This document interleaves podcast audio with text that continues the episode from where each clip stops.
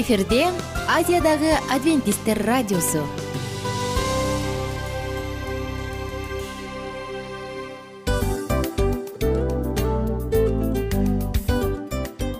Достор салют.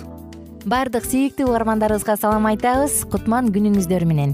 Ден соолук өмүрдүн булагы демекчи саламат саамы программасында баарыңыздарды көргөнүбүзгө абдан кубанычтабыз. Анда алгач амандашып өтөлү арбаңыздар деп. Ден соолугуңуздар кандай элибизде көбүнчө ден соолук кандай дегенде эле жакшы деп жооп беребиз э? ооруп турсак дагы жакшы дейбиз. Анан мен муну айтып ойлойт элем бул абдан сонун сөз депчи анткени бул жакшы деген үмүт да э ооба баары жакшы болот. Баары сонун. Деп үмүттөнүп атып эле өзүбүздү өзүбүз дарылап коебуз.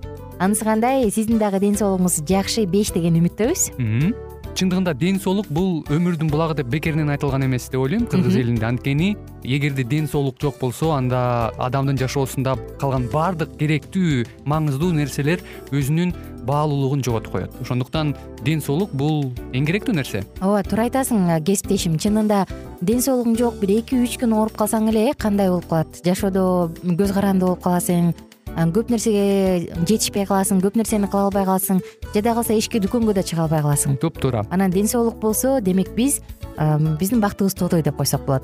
Анда достор саламат саамы рубрикабызды баштайлы. Алдыда өзүңүзгө керектүү болгон сонун кеңештерди уга аласыздар. Мына ошондуктан биз менен бирге болуңуздар. Ал эми биз болсо милан жана айнура. Кеттик алга. Алга саламат саама ден соолуктун жарчысы. Саламат саама ден соолуктун ачкычы. Күн сайын сиз үчүн мыкты кеңештер сонун жаңылыктар кызыктуу фактылар биздин рубрикада.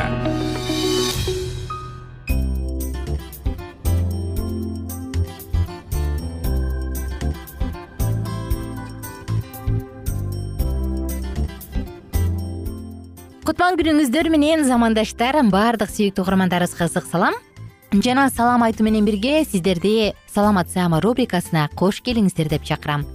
Достор бүгүнкү уктурууда дарыгерлер менен болгон маекте сонун маалыматтар айтылат жана мен ишенем бул маалыматтар сиздин жашооңузда чоң жардам тийгизет деп.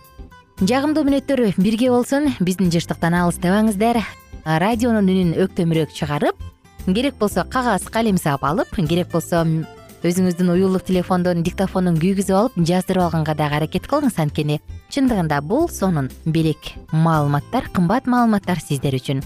Жагымдуу мүнөттөрдү бирге өткөрөлү баягы биринчи толкун учурунда эсиңиздеби аябай кырдаал кыйын болду го өзгөчө ушул бишкек шаарында аябай кырдаал кыйын болбодубу мен ойлойм ошол учурда деле балдар ооруп айыкса керек үй шартында үйдөн элечи.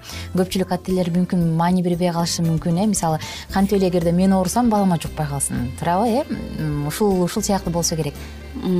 Ооба бирок биз ага чейин дагы көп адамдар билбейт да. Биз балдардыкы мисалы үчүн сууктагандан кийин уже оорулар башталат да. Кулак оору. Негизи эле мурдага баштайт балдардын көпчүлүгүндө. Ооба жөтөлү пайда болот көпчүлүгүндө. Эң биринчи бул мурдунан башталат баарычы мурду башталгандан кийин ылдый ылдый баары уже түшүп кете берет да биздики балдар э, өтө мындай э, ооруганы бул декабрь айынан баштап ошо суук түшкөндөн кийин эле уже ооруп баштаган да чоң адамдар көбүнчө мындай жаз жай жай убакытка туш келбедиби?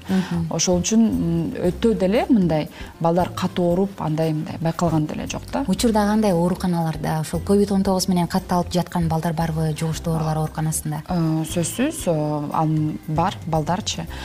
Пцр анализ подтвержденный анализдер менен балдар азырынча ковид боюнча э, дарыларды алып ооруканаларда жатат. Жаткандар бар. Жаткандар бар ооба. Жакшы. Бизде досубуздан келген дагы кийинки суроо бар мындай дейт ларингит менен ооруп жатам. Серьезно эмеспи ковидке айланып кетпейби дары ичип атам деп жөнөтүптүр. Сиз э, ларингит болуп ооруп атсаңыз э, дарыгериңиз сизге туура дарыны жазып берсе бул ларингиттики эң биринчи түрүндө ингаляция көбүнчө эле неме жылуу сууну жылуу тамакты ысык эмес жылуу тамакты ичиш керек. Айланып кетиши э, мүмкүн деле эмес да. Бул симптомго жараша да. Ошо жакшы. Кийинки суроо бар бизде бала беш жашта дейт. Беш жаштагы балага күз учурунда кандай витаминдерди сунуштайсыз деп сураныптыр мисалы үчүн бала жакшылап тамактанса аппетити жакшы болсо то менин оюм боюнча мындай э, сырттан витаминдерди балага э, берүү деле кереги жок да. Мисалы ушул жерден сурагым келип атат баягы көпчүлүк педиатрлар күз кыш айларында алты айлык учурга д витамин жазып беришет го синтезделгенчи булчу бул элдин баары ойлойт д витамин бул профилактика рахита депчи. Бирок бул д витамин д три негизи аябай мындай аябай бай витамин да бул өпкөгө дагы аябай жакшы мындай неме берет эффект берет. Анан д витаминди биз күн менен алабыз да күндүн нуру мененчи. Анткени биздики ошо күз учурун келгенде түшкөндө биздики күнүбүз анчалык неме эмес да. Күн анча тийбей калат. күн анча тийбей калат. Ошол убакыттан баштап күз күз келгенден кийин майдын башына чейин биз д витаминин сөзсүз балдарга жазып беребиз. Бул мындай профилактика деп коет да. Баягы биринчи толкун учурунда с витамин аскорбинкалар тим эле аябай көп сатылбады э? Дарыканалардачы бул учурда азыркы учурдачы балдарга баягы күнүнө өзүнүн дозасына ылайык берип турса болобу же анын кереги жокпу ушул беш жашка чейинки эле балдарды айтсак. Менин оюм боюнча жок. Кереги жок э? кереги жок кийинки ковид он тогуз жаңы төрөлгөн балдар үчүн коркунучтуубу дейт. Мисалы үчүн энеси өзү баланы көтөрүп жүргөн учурда ооруп калса ковид ошол эненики подтвержденный болсо то эне өз балага башкача айтканда антителасын бериши мүмкүн да. Ошол үчүн бала оорубайт деле коркунучсуз эле коркунучсуз деле ооба ковид менен ооругандан кийин балдар тукумсуз болот деген чынбы деп жөнөттүр кийинки угарманыбыз көрөрманыбыз. Жана айтып кеткендей эле бул суроого сизге азырынча мындай так эч ким жооп бере албайт да. Жакшы. Кантип балдарды ковид он тогуздан сакташ керек жана иммунитетин кантип көтөрүш керек дейт кийинки? Кантип сактаныш керек? Бул биринчиден бет капты туура кийиш керек туура колдонуш керек бат баттан тез тезден колдорду жууп туруш керек. Спирт кошулган жанакы дезинфекциялык немелер менен колдонуп туруш керек. Анан кийин дагы эмне жер жемиштерди неме предметтерди мындай туура обработка кылып колдонуш керек да. Анан көпчүлүк чогулган жерге барбаш керек да. Ошол бул эң биринчи мындай профилактика да. Ушул ковид он тогузда мисалы чоң адам менен кичинекей балада э? Кандай протекать этет кандай өтөт? Чоң адамда коркунучтуураак болобу же кичинекей балада коркунучтуураак болобу? Анткени баягы кичинекей баланын өпкөсүнүн көлөмү да кичинекей ал жерде альвеол бронхалар да аз болот э? Ошол себептен сурап жатам да мынакей караңыз негизи ковид менен балдар ар бир ну жашка бул карабайт да эң биринчиден жашка карабайт. кичинекей болобу чоң болобу ковид эч кимди тандабайт да башкасын айткандачы анан балдардыкы эмнеси менен мындай неме өтө бат симптомдор неме пайда болот да бул анткени биздики балдардыкы баары мындай кыска да. Органдардын баарычы и бат эле кичинекей да. Анан баары эле бат эле осложнение катары түшүп кете берет да. Ошол үчүн балдардыкы бул симптомдор мындай өтө бат пайда болот э, биринчиден. Жана канчалык бат пайда болгондо ошончолук булар мындай бат дарылаганга да эффект болот да. Чоң тезирээк дарыланат тезирээк дарыланат чоң адамдарга караганда. Достор жогоруда айтылгандай эле эң сонун маалыматтар биздин ден соолугубузду коргоо үчүн бүгүнкү күндө бар. Канчалык маалымдар болсоң ошончолук куралданган болот эмессиңби мына ошондуктан бүгүнкү айтылган маалыматтар дагы жашооңузга чоң таасирин берип жардамын берип сизди ар кандай кырсыктан ден соолукту сакташ үчүн жаман нерселерден сактасын оорулардан дарттардан сактасын адамдын биринчи байлыгы ден соолук. Адамга экинчи байлык ак жоолук керек. Бирок ак жоолук ден соолуксуз кызык мына ошондуктан сиздерге кааларыбыз албетте бекем ден соолук. Өзүңүздүн колуңуздагы байлыкты сактаңыз барктаңыз. Жана албетте бул үчүн болгон күрөшүңүздү жумшаңыз. Адам баягы жашоосунда колдон келишинче акча таап алып туруп анан кийин улгайып калган кезде баардык тапканын кайра өзүнүн ден соолугуна жумшагандан көрө мейли аз тапса дагы бирок оорубай жашоонун кубанычын татып жашаганга эмне жетсин? Ошондуктан ар бириңиздерге кааларым бекем ден соолук. Коштошобуз достор сиздер менен кийинки уктуруулардан кайрадан амандашканча бар болуңуздар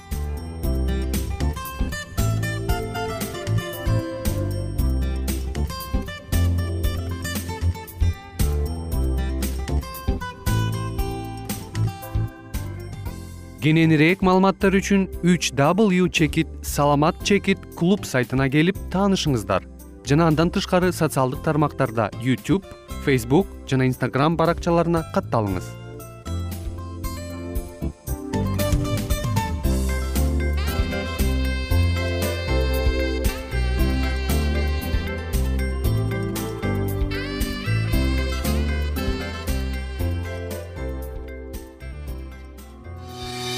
саламат саама ден соолуктун жарчысы. Саламат саама ден соолуктун ачкычы. Күн сайын сиз үчүн мыкты кеңештер сонун жаңылыктар кызыктуу фактылар биздин рубрикада.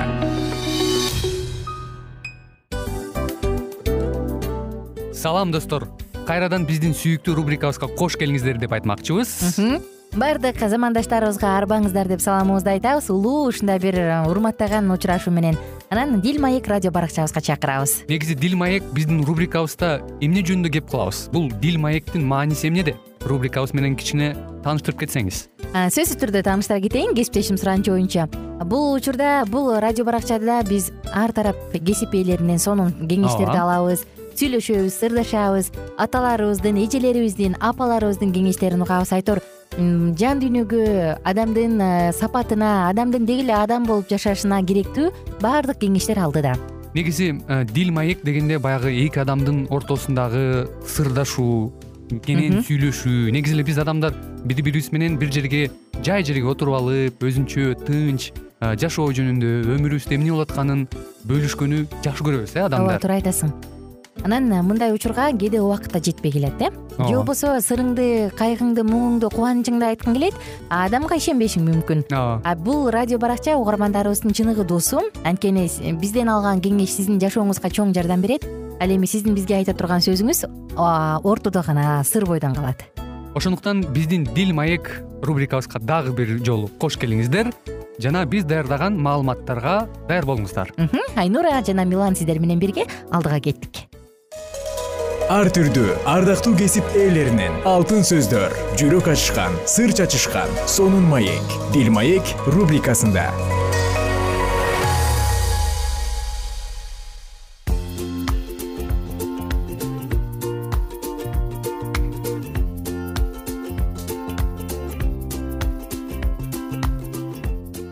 Салам достор баардык угармандарыбызга ысык салам айтып сиздер менен бирге дил маек радио баракчасында руханий мурас жашия деп аталган китепти андан ары улантабыз. Бул циклда биз нундун уулу жашия учурундагы ысрайыл элинин тарыхы аларга кудай кандай болушкандыгы тууралуу сөз кылып жатканбыз. Бүгүн ушул теманы андан ары улантабыз. Анан жашия бүт ысрайыл менен чогуу лакиш шаарынан эглон шаарына жөнөдү. Шаардын маңдайында ордусун жайгаштырып ага чабуул койду.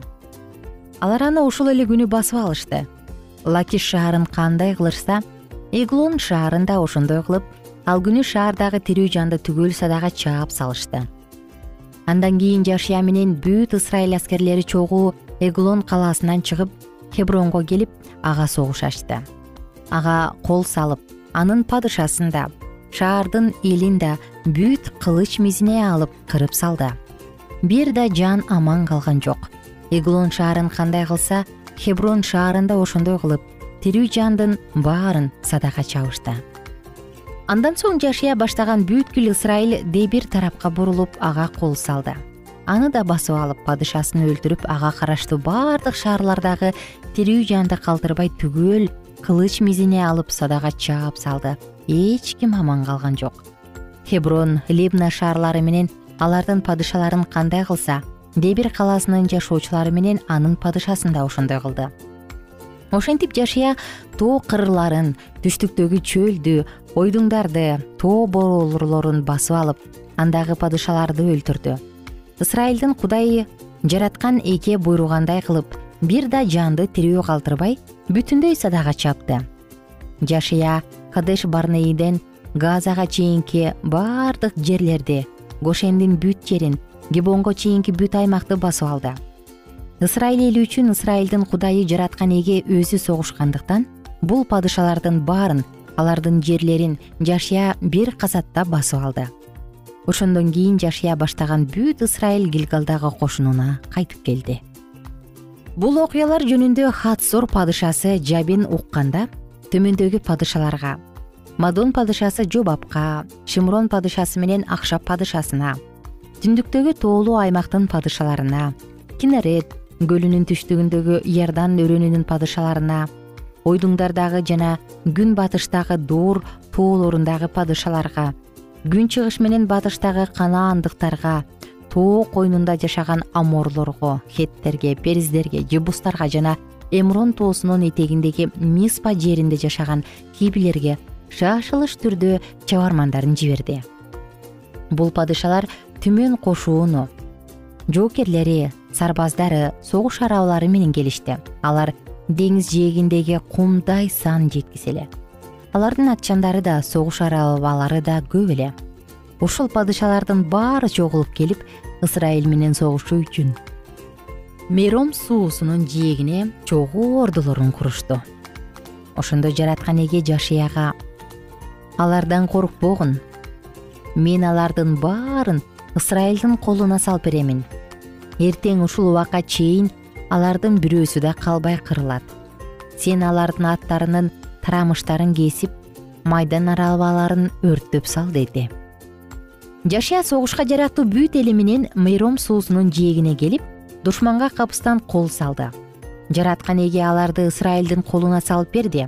Ысрайыл жоону талкалап улуу сидонго чейин мисрепот майимге дейре күн чыгыштагы миспе өрөөнүнө жеткире кубалап барды. Аларга катуу сокку уруп бир да кишини тирүү калтырган жок. Жараткан эге буйругандай кылып жашия алардын аттарынын тарамыштарын кесип майдан арабаларын өрттөп салды. Андан кийин жашия артка бурулуп ушул падышалыктардын башында турган хатсор шаарын басып алып анын падышасын кылыч менен өлтүрдү. Хатсор ал убакта баардык падышалыктардын башында турган элин түгөл кылыч мизине алып баарын садага чапты. Бир да жаны аман калган жок. Хатсорду болсо өрттөп жиберди жараткан эгенин кулу муса буйругандай кылып жашия ошол падышалык шаарлардын баарын басып алып падышаларын кармап кылыч мизине алып садага чаап салды. Ысрайылдар адырлардагы шаарлардан бирөөнү да өрттөшкөн жок. Жашия хатсор шаарын гана өрттөп салды.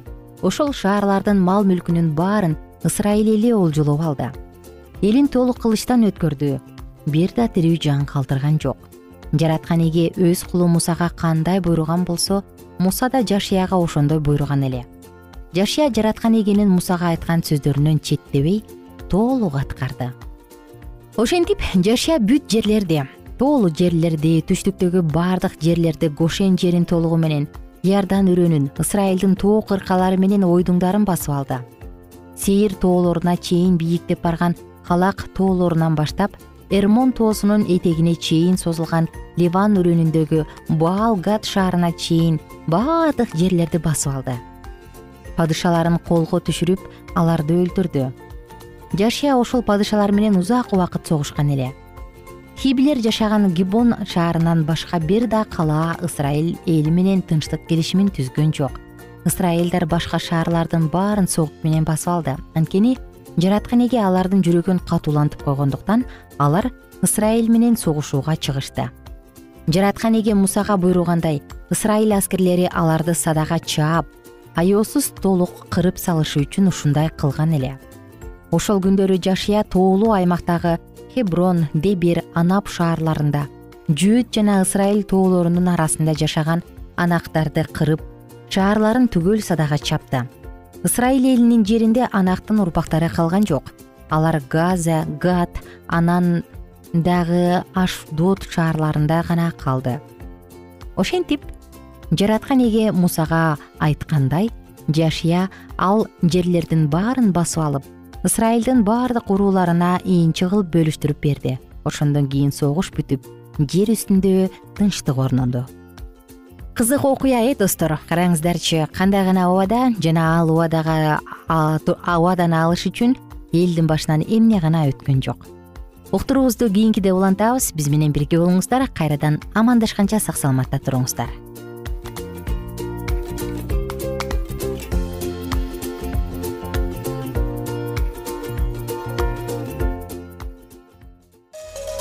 ар түрдүү ардактуу кесип ээлеринен алтын сөздөр жүрөк ачышкан сыр чачышкан сонун маек дил маек рубрикасында.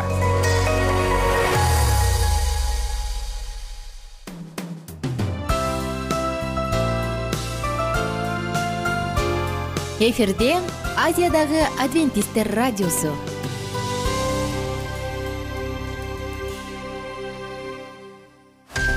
жан дүйнөңдү байыткан жүрөгүңдү азыктанткан жашооңо маңыз тартуулаган жан азык рубрикасы.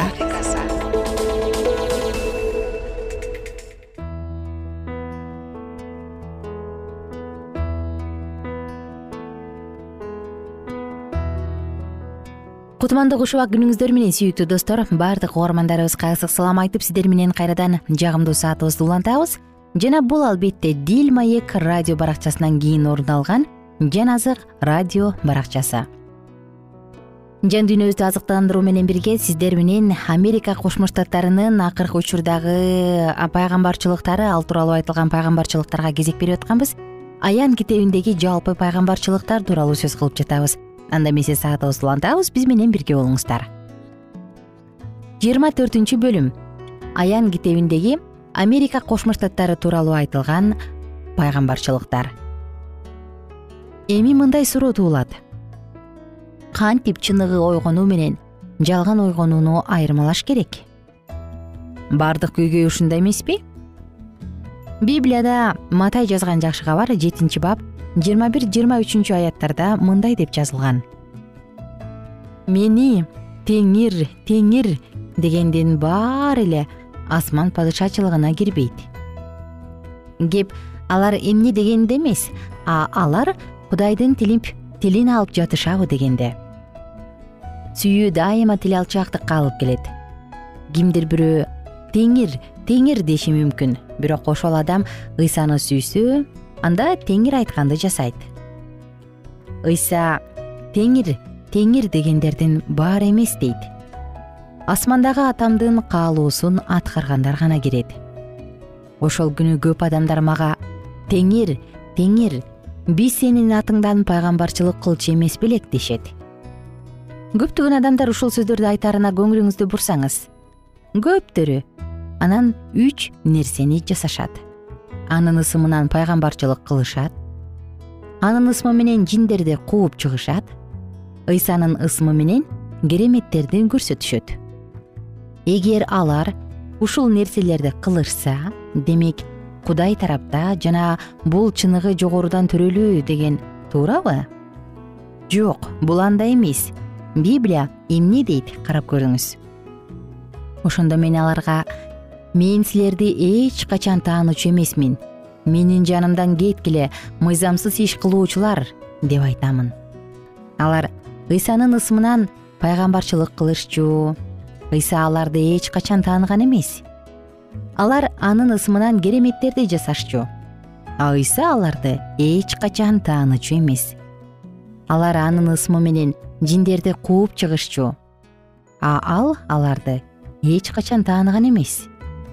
Ошондо ыйса менин жанымдан кеткиле мыйзамсыз иш кылуучулар дейт. Адамдар ушунун баардыгын ыйсанын ысымынан жасаганы далил эмес.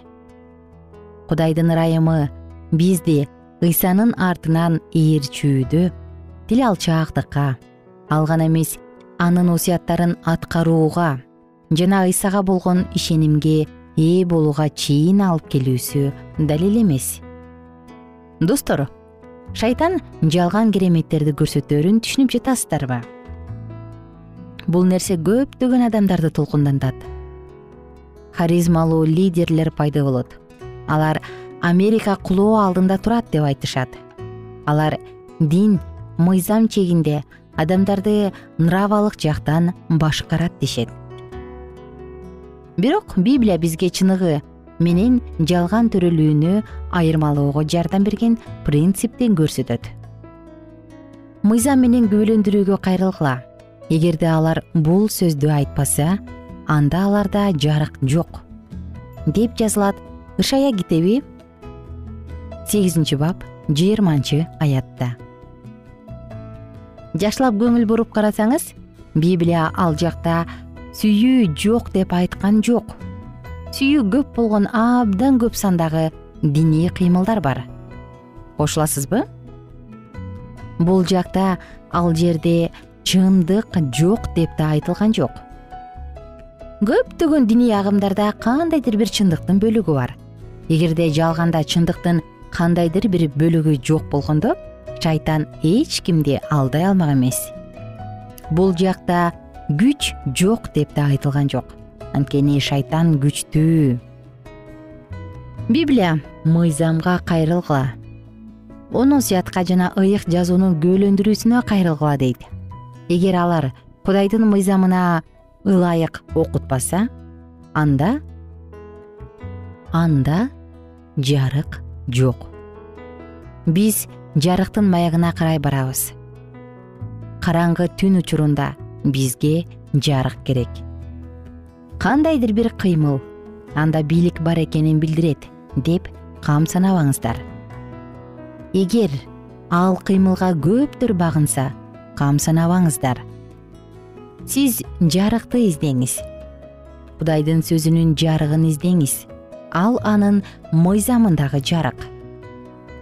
Кудайдын сөзүнүн жарыгы кудайдын чындыгында жаркырайт. Сиздерге суроо бергенге уруксат этиңиздер байыркы рим учурунда бутпарастык менен машаякчылыкты бириктириш үчүн шайтан кайсы каражатты колдонду эле? Рим империясы бөлүктөргө бөлүнүп бузула баштаган. Бутпарастык менен машаякчылык бири биринен айырмаланып турушчу бирок урматталган күн күнү аларды бириктирди тарых кайра кайталанышы мүмкүнбү? Мага кызыгы биздин күндөрдө шайтан муну жасайбы? Келгиле өткөн күнү карап болочок тууралуу бир кызыкты билели. Эски вавилон китебинин жүз бешинчи бетинде александр хислоп мындай деп жазат.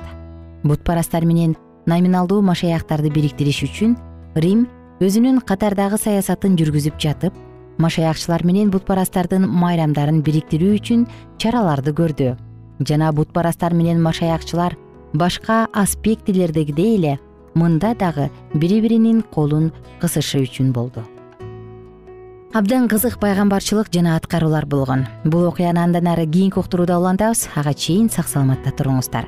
Бар болуңуздар достор. Амандашканча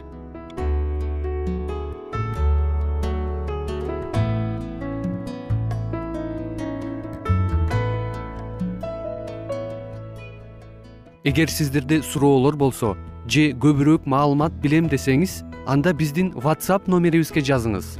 Плюс бир үч жүз бир жети жүз алтымыш алтымыш жетимиш. Кайрадан плюс бир үч жүз бир жети жүз алтымыш алтымыш жетимиш